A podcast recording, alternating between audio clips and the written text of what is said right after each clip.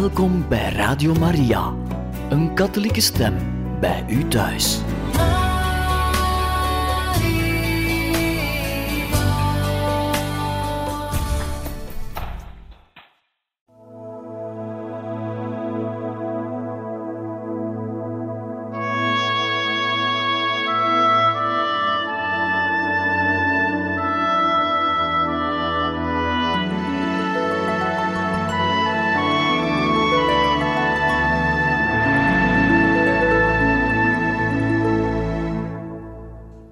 Beste luisteraars van Radio Maria, van harte welkom in het programma Heiligen Getuigen.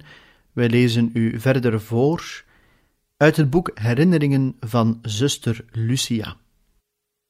En die herinneringen, dan gaat het natuurlijk over onder meer de verschijningen van de engel en van onze lieve vrouw te Fatima 1916-19 17 en de relatie die zij heeft onderhouden met de andere twee zieners, zeg maar, Jacinta en Francisco.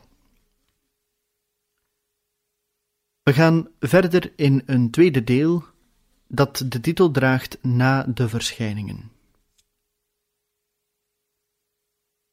Mijn tante, die het moe was steeds maar weer iemand uit te sturen om haar kinderen te halen, terwille van de mensen die met hen wilden spreken, vertrouwde tenslotte de kudde toe aan haar zoontje Jan. Deze verandering viel Jacinta zwaar, en wel om twee redenen. Omdat ze nu met iedereen moest spreken die haar opzocht, en verder, zoals ze zei, omdat ze niet de hele dag bij mij kon zijn. Maar er zat niets anders op en om zich te verstoppen voor de mensen die haar zochten, verborg ze zich met haar broertje in de holte van een rots.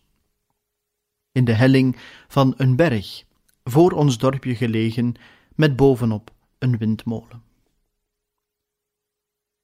De rots is in de oostelijke helling. De uitholling is zo groot dat ze volkomen beschut waren tegen regen en zon. Bovendien zijn er veel olijfbomen en eiken in de buurt. Wat heeft ze daar niet gebeden en offers aan onze lieve Heer opgedragen? Ook was die berghelling bezaaid met vele en gevarieerde bloemen. Er waren bijvoorbeeld heel veel lelietjes, waarvan ze dol veel hield. En telkens als ze me s'avonds onderweg opwachtte, bood ze me een lelie aan of anders een andere bloem. Het was voor haar een feest bij mij te komen, de bloem te ontbladeren en me daarmee te bestrooien. Wat mij betreft deed mijn moeder voorlopig nog niets anders dan mij de weiden aan te geven, om te weten waar ik was als het nodig was mij te roepen. Wanneer die plek kortbij was, dan waarschuwde ze mijn makkertjes, die me dan direct opzochten. Jacinta liep hard tot ze in mijn buurt was, dan ging ze vermoeid zitten en riep op me, en daarmee ging ze door totdat ik antwoordde en haar tegemoet liep.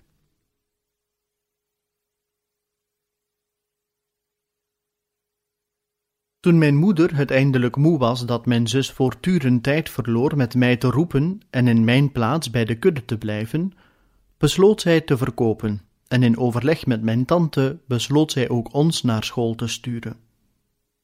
Jacinta ging graag in de vrije tijd het Allerheiligste bezoeken. Maar ze zei: Het is alsof de mensen het ruiken. Nauwelijks in de kerk overkomen een hele hoop mensen vragen stellen. Ik zou liever heel lang alleen zijn om te praten met de verborgen Jezus, maar ze laten ons nooit met rust. Zo was het inderdaad. Die eenvoudige dorpsmensen lieten niet af ze vertelden met hun grote eenvoud al hun nood en leed. Jacinta leed, vooral als het een zondaar gold. Dan zei ze: We moeten bidden en offertjes brengen aan onze lieve Heer, dat hij hem bekeert en dat hij niet in de hel komt, de arme man. Hier kan ik wel een verhaaltje inlassen dat toont hoezeer Jacinta trachtte te ontkomen aan de mensen die haar zochten. Op zekere dag waren we op weg naar Fatima, toen we reeds dicht bij de grote weg een groepje dames en heren uit een auto zien stappen. geen twijfel of ze zochten ons. Vluchten zonder op te vallen ging niet meer. We lopen dan maar door in de hoop dat ze ons niet kennen. Bij ons gekomen vroegen de dames of we de herdertjes kenden aan wie onze lieve vrouw verschenen was. We zeiden ja. En of we wisten waar ze woonden. We gaven hun alle aanwijzingen om daar te geraken en hals over kop weg om ons achter struiken in het veld te verstoppen. Jacinta, heel tevreden met het goede resultaat van het experiment, zei: Dat moeten we maar altijd doen als ze ons niet kennen. Op zekere dag kwam ook op zijn beurt de eerwaarde heer Dr. Cruz uit Lissabon ons ondervragen. Na de ondervraging vroeg hij ons hem de plaats te wijzen waar ons onze lieve vrouw verschenen was. Onderweg liep elk van ons aan een zij van de eerwaarde, die op een zo klein ezeltje zat dat hij bijna met de voeten over de grond sleepte. Hij leerde ons een hele litanie schietgebedjes, waaruit Jacinta er twee uitkoos die ze later altijd zou herhalen. Het waren: Mijn Jezus, ik bemin u, en Zachtmoedig hart van Maria, wees mijn redding. Op zekere dag tijdens haar ziekte zei ze me: Ik doe dat toch zo graag. Aan Jezus zeggen dat ik van hem hou. Dikwijls, als ik het hem zeg, lijkt het me dat ik vuur in mijn borst heb, maar toch verbrand ik me niet. Een andermaal zei ze: Ik houd zoveel van onze lieve Heer en van onze lieve vrouw, dat ik het nooit moe word hun te zeggen dat ik van hen houd.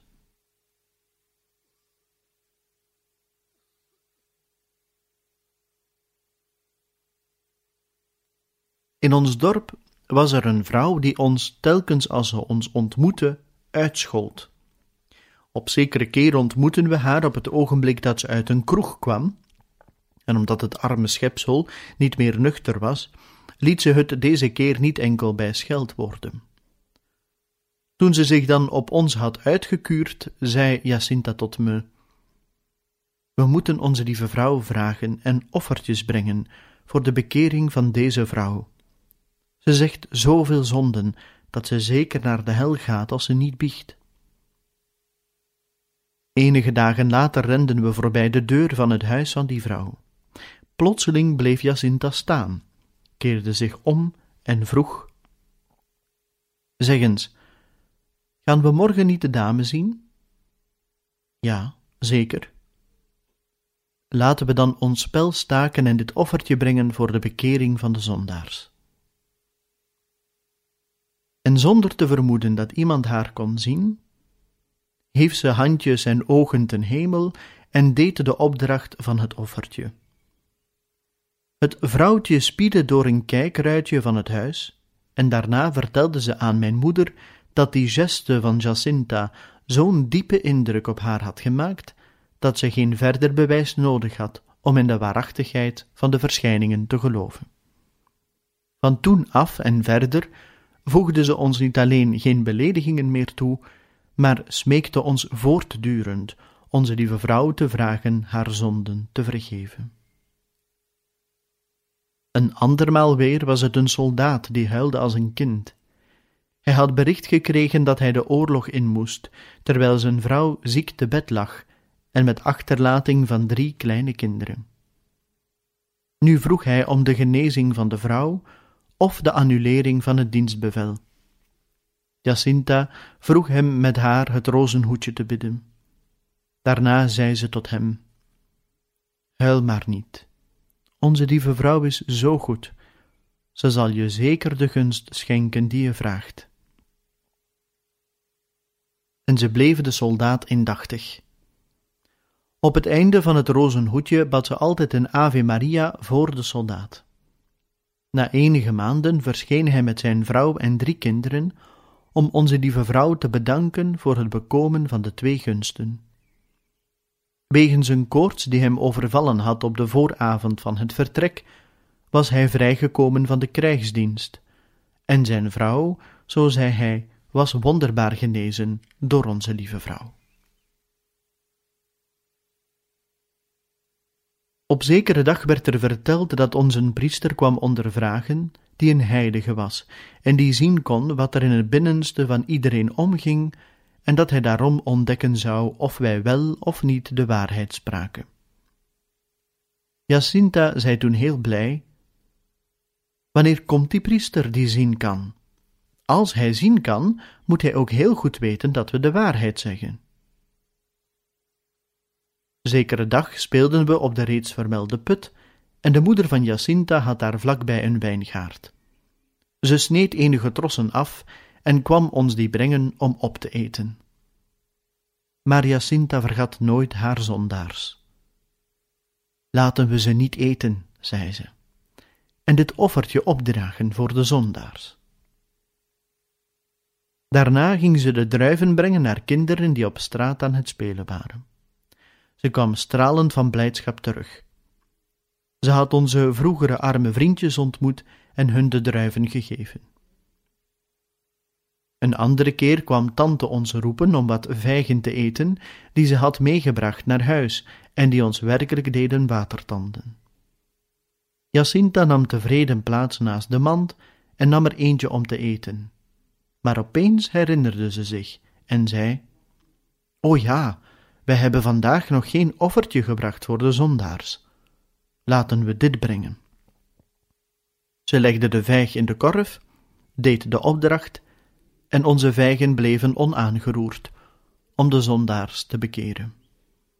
Jacinta bracht veel van zulke offertjes, maar ik ga er niet meer vertellen, want anders komt er geen eind aan.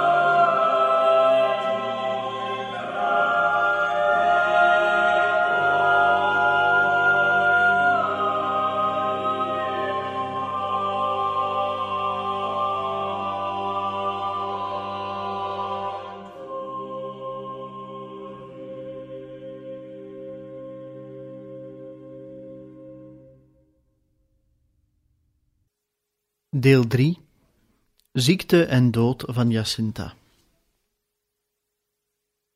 Zo verliepen de dagen toen onze lieve Heer Jacinta een longontsteking overzond, die haar en ook haar broertje het bed deed houden. Op de vooravond van de ziekte zei ze: Ik heb zo'n hoofdpijn en ik heb toch zo'n dorst. Maar ik wil niet drinken om te lijden voor de zondaars. Al de tijd dat ik van school vrij was, of ik geen ander karweitje hoefde op te knappen, was ik bij mijn speelmakkertjes. Toen ik op zekere dag langskwam, op weg naar school, zei Jacinta tegen mij: Zeg, vertel aan Jezus verborgen dat ik veel van hem houd en dat ik hem zeer bemin. Andere keren zei ze: Doe van mij aan Jezus de hartelijkste groeten. Als ik het eerst naar haar kamer ging, zei ze: Ga maar eerst Francisco bezoeken. Ik blijf wel zo lang alleen. Op zekere dag bracht haar moeder haar een kopje melk en vroeg haar die te drinken. Ik wil ze niet, moeder, antwoordde ze, terwijl ze met de hand het kopje afweerde. Tante drong nog een beetje aan en ging toen maar weg, zeggende: Ik weet niet hoe ik haar iets in krijg, met zo'n grote tegenzin. Toen we alleen waren, vroeg ik haar onmiddellijk: Hoe kun je zo ongehoorzaam zijn aan je moeder, en waarom maak je er niet een offertje van aan onze lieve Heer? Toen ze dit hoorde, kwamen haar de tranen in de ogen, die ik het geluk had af te wissen, en ze zei: Ik had er nu niet aan gedacht. Toen riep ze moeder, vroeg haar vergiffenis en zei dat ze bereid was alles in te nemen wat ze maar wilde. Moeder bracht haar een kopje melk en ze nam het zonder de minste tegenzin te tonen. Daarna zei ze tegen me: Als je eens wist wat het me kost om ze te nemen. Bij een andere gelegenheid zei ze: Het kost me steeds meer om de melk en de bouillon te nemen, maar ik zeg het niet. Ik neem ze toch uit liefde voor onze lieve Heer en het onbevlekt hart van Maria, onze lieve moeder in de hemel. Op zekere dag vroeg ik haar: Gaat het beter? Je weet toch dat ik niet beter word? En ze voegde eraan toe: Ik heb toch zo'n pijn in mijn borst, maar ik zeg het niet. Ik verdraag het voor de bekering van de zondaars. Toen ik op zekere dag bij haar kwam, vroeg ze me: Heb jij vandaag al veel offertjes gebracht? Weet je, moeder was weg en ik had vele malen het verlangen Francisco te bezoeken, maar ik ben niet gegaan. Toch werd Jacinta een beetje beter. Ze kon opstaan en bracht toen de dag door, gezeten op het bed van haar broertje. Op zekere dag liet ze me roepen. Ik moest gauw bij haar komen. Onze lieve vrouw heeft ons bezocht en ze zei dat ze Francisco binnenkort komt halen voor de hemel. En aan mij vroeg ze of ik nog meer zondaars wilde bekeren. Ik stemde toe. Ze zei me dat ik naar een ziekenhuis zou gaan en dat ik daar veel zou lijden, en dat ik zou lijden voor de bekering van de zondaars, tot eerherstel voor de zonden tegen het onbevlekt hart van Maria en het liefde voor Jezus. Ik vroeg haar of jij met me mee zou gaan, en ze zei nee. Dat kost me het meeste. Ze zei dat moeder me naar het ziekenhuis zou brengen en dat ik dan alleen achterblijf. Hierna dacht ze een poosje na en voegde er toen bij: Misschien is het ziekenhuis wel een heel donker huis, waar je niets kunt zien en ik moet dan daar helemaal alleen lijden. Maar dat is niet erg.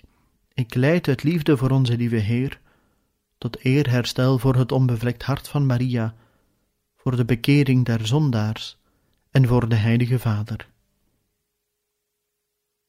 Toen het ogenblik was aangebroken dat haar broertje naar de hemel ging, gaf ze enige boodschappen mee.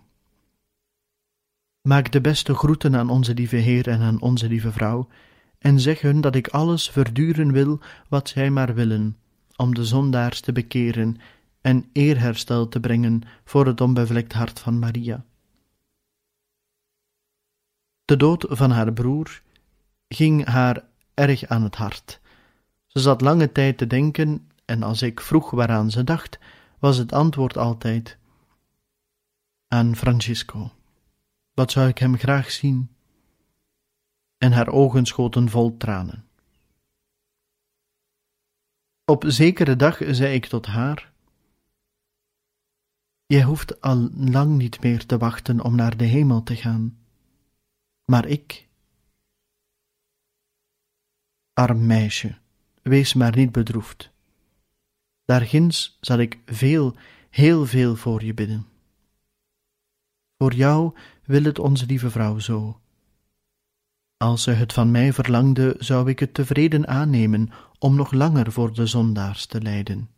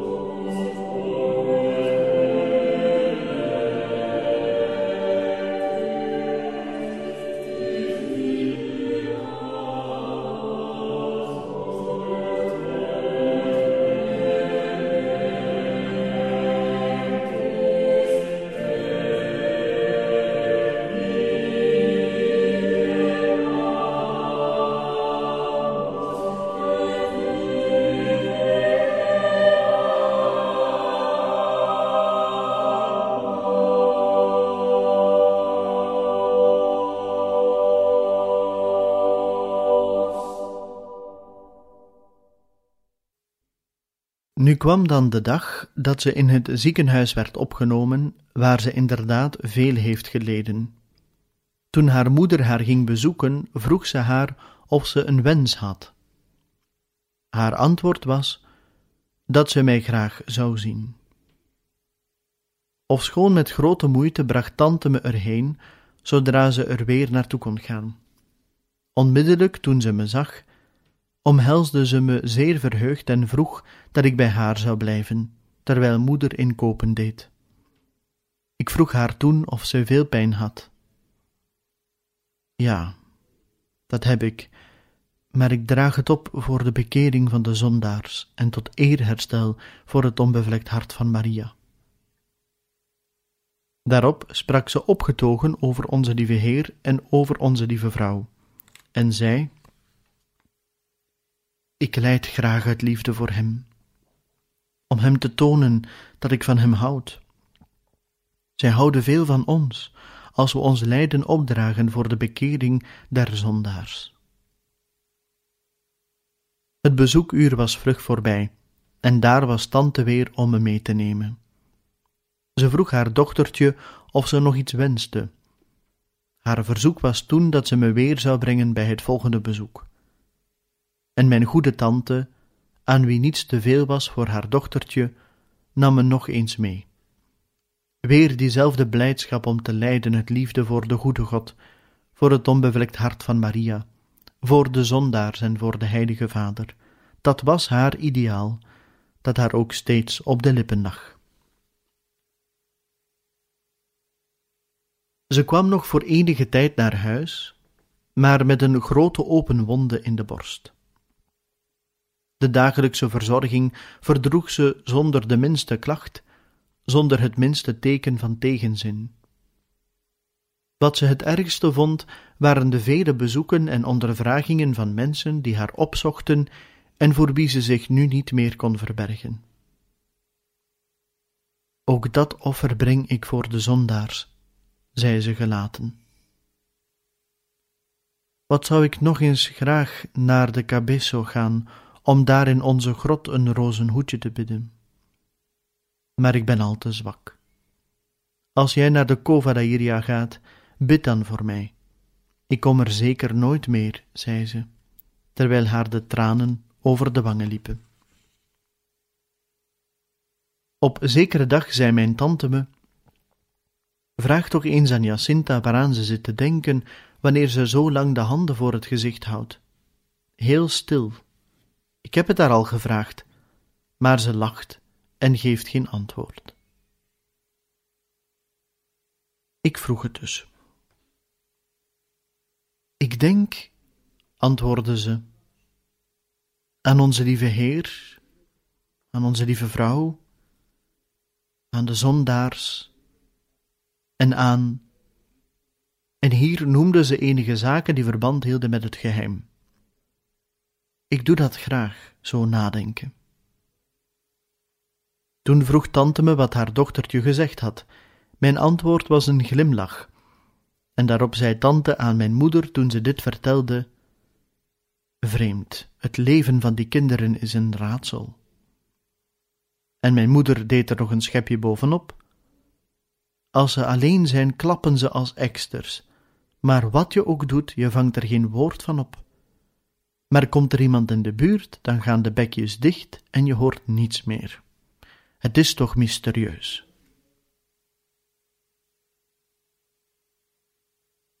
De heilige maagd was zo goed Jacinta opnieuw te bezoeken om haar nieuwe kruisjes en nieuwe offers aan te kondigen.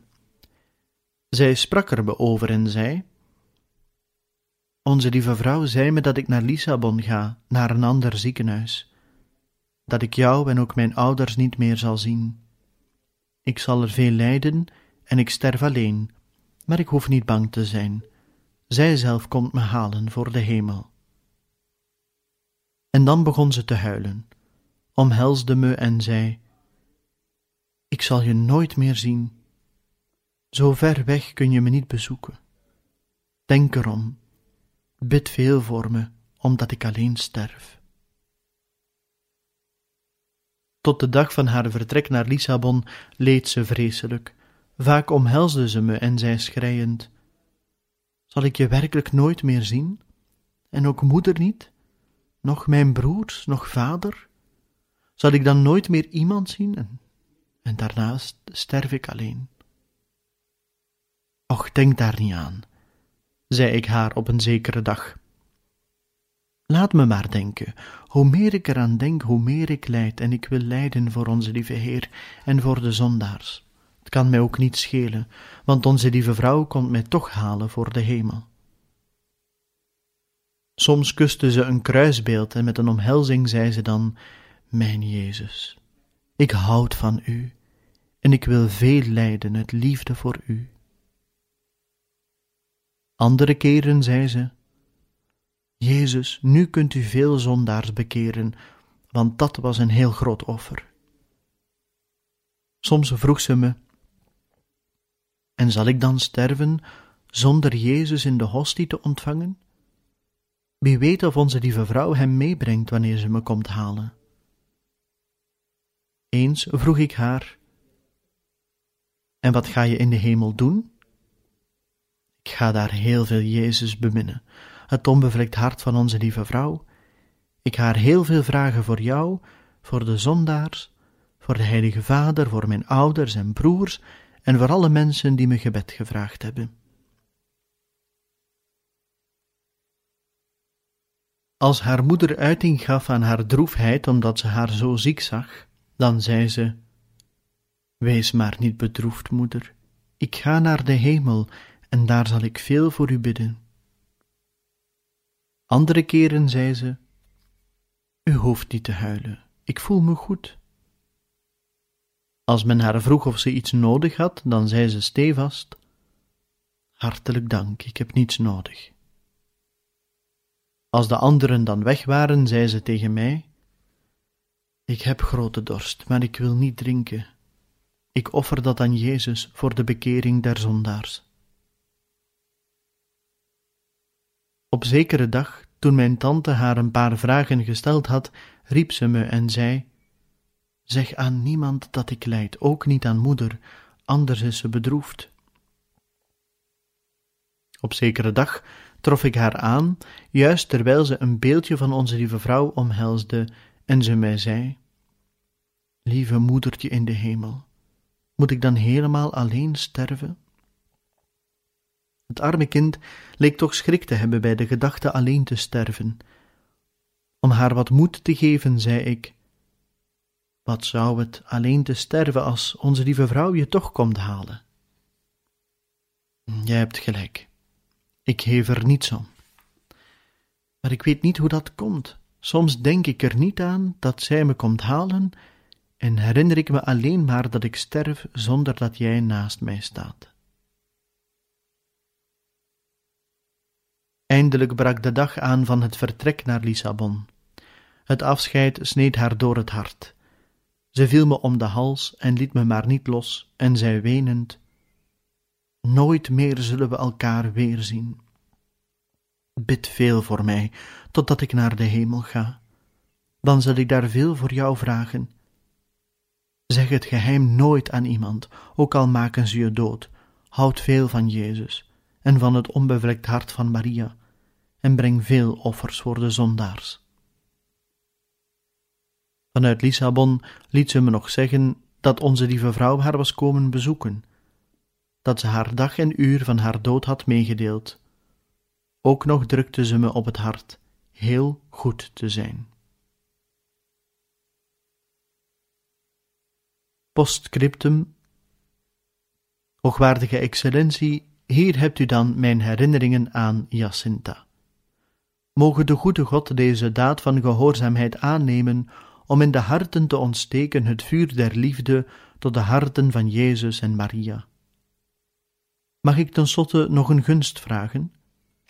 Zou Uwe Excellentie iets van wat ik geschreven heb publiceren, wees dan zo goed niet over mij, arme onbeduidende persoon, te spreken. Ik kan Uwe Excellentie verzekeren dat ik heel tevreden zou zijn te horen dat u dit schrijven verbrand hebt, zonder het zelf te lezen. Ik heb het immers alleen geschreven om de wil van de goede God te doen, die ik uitgedrukt vind in de wil van Uwe Excellentie.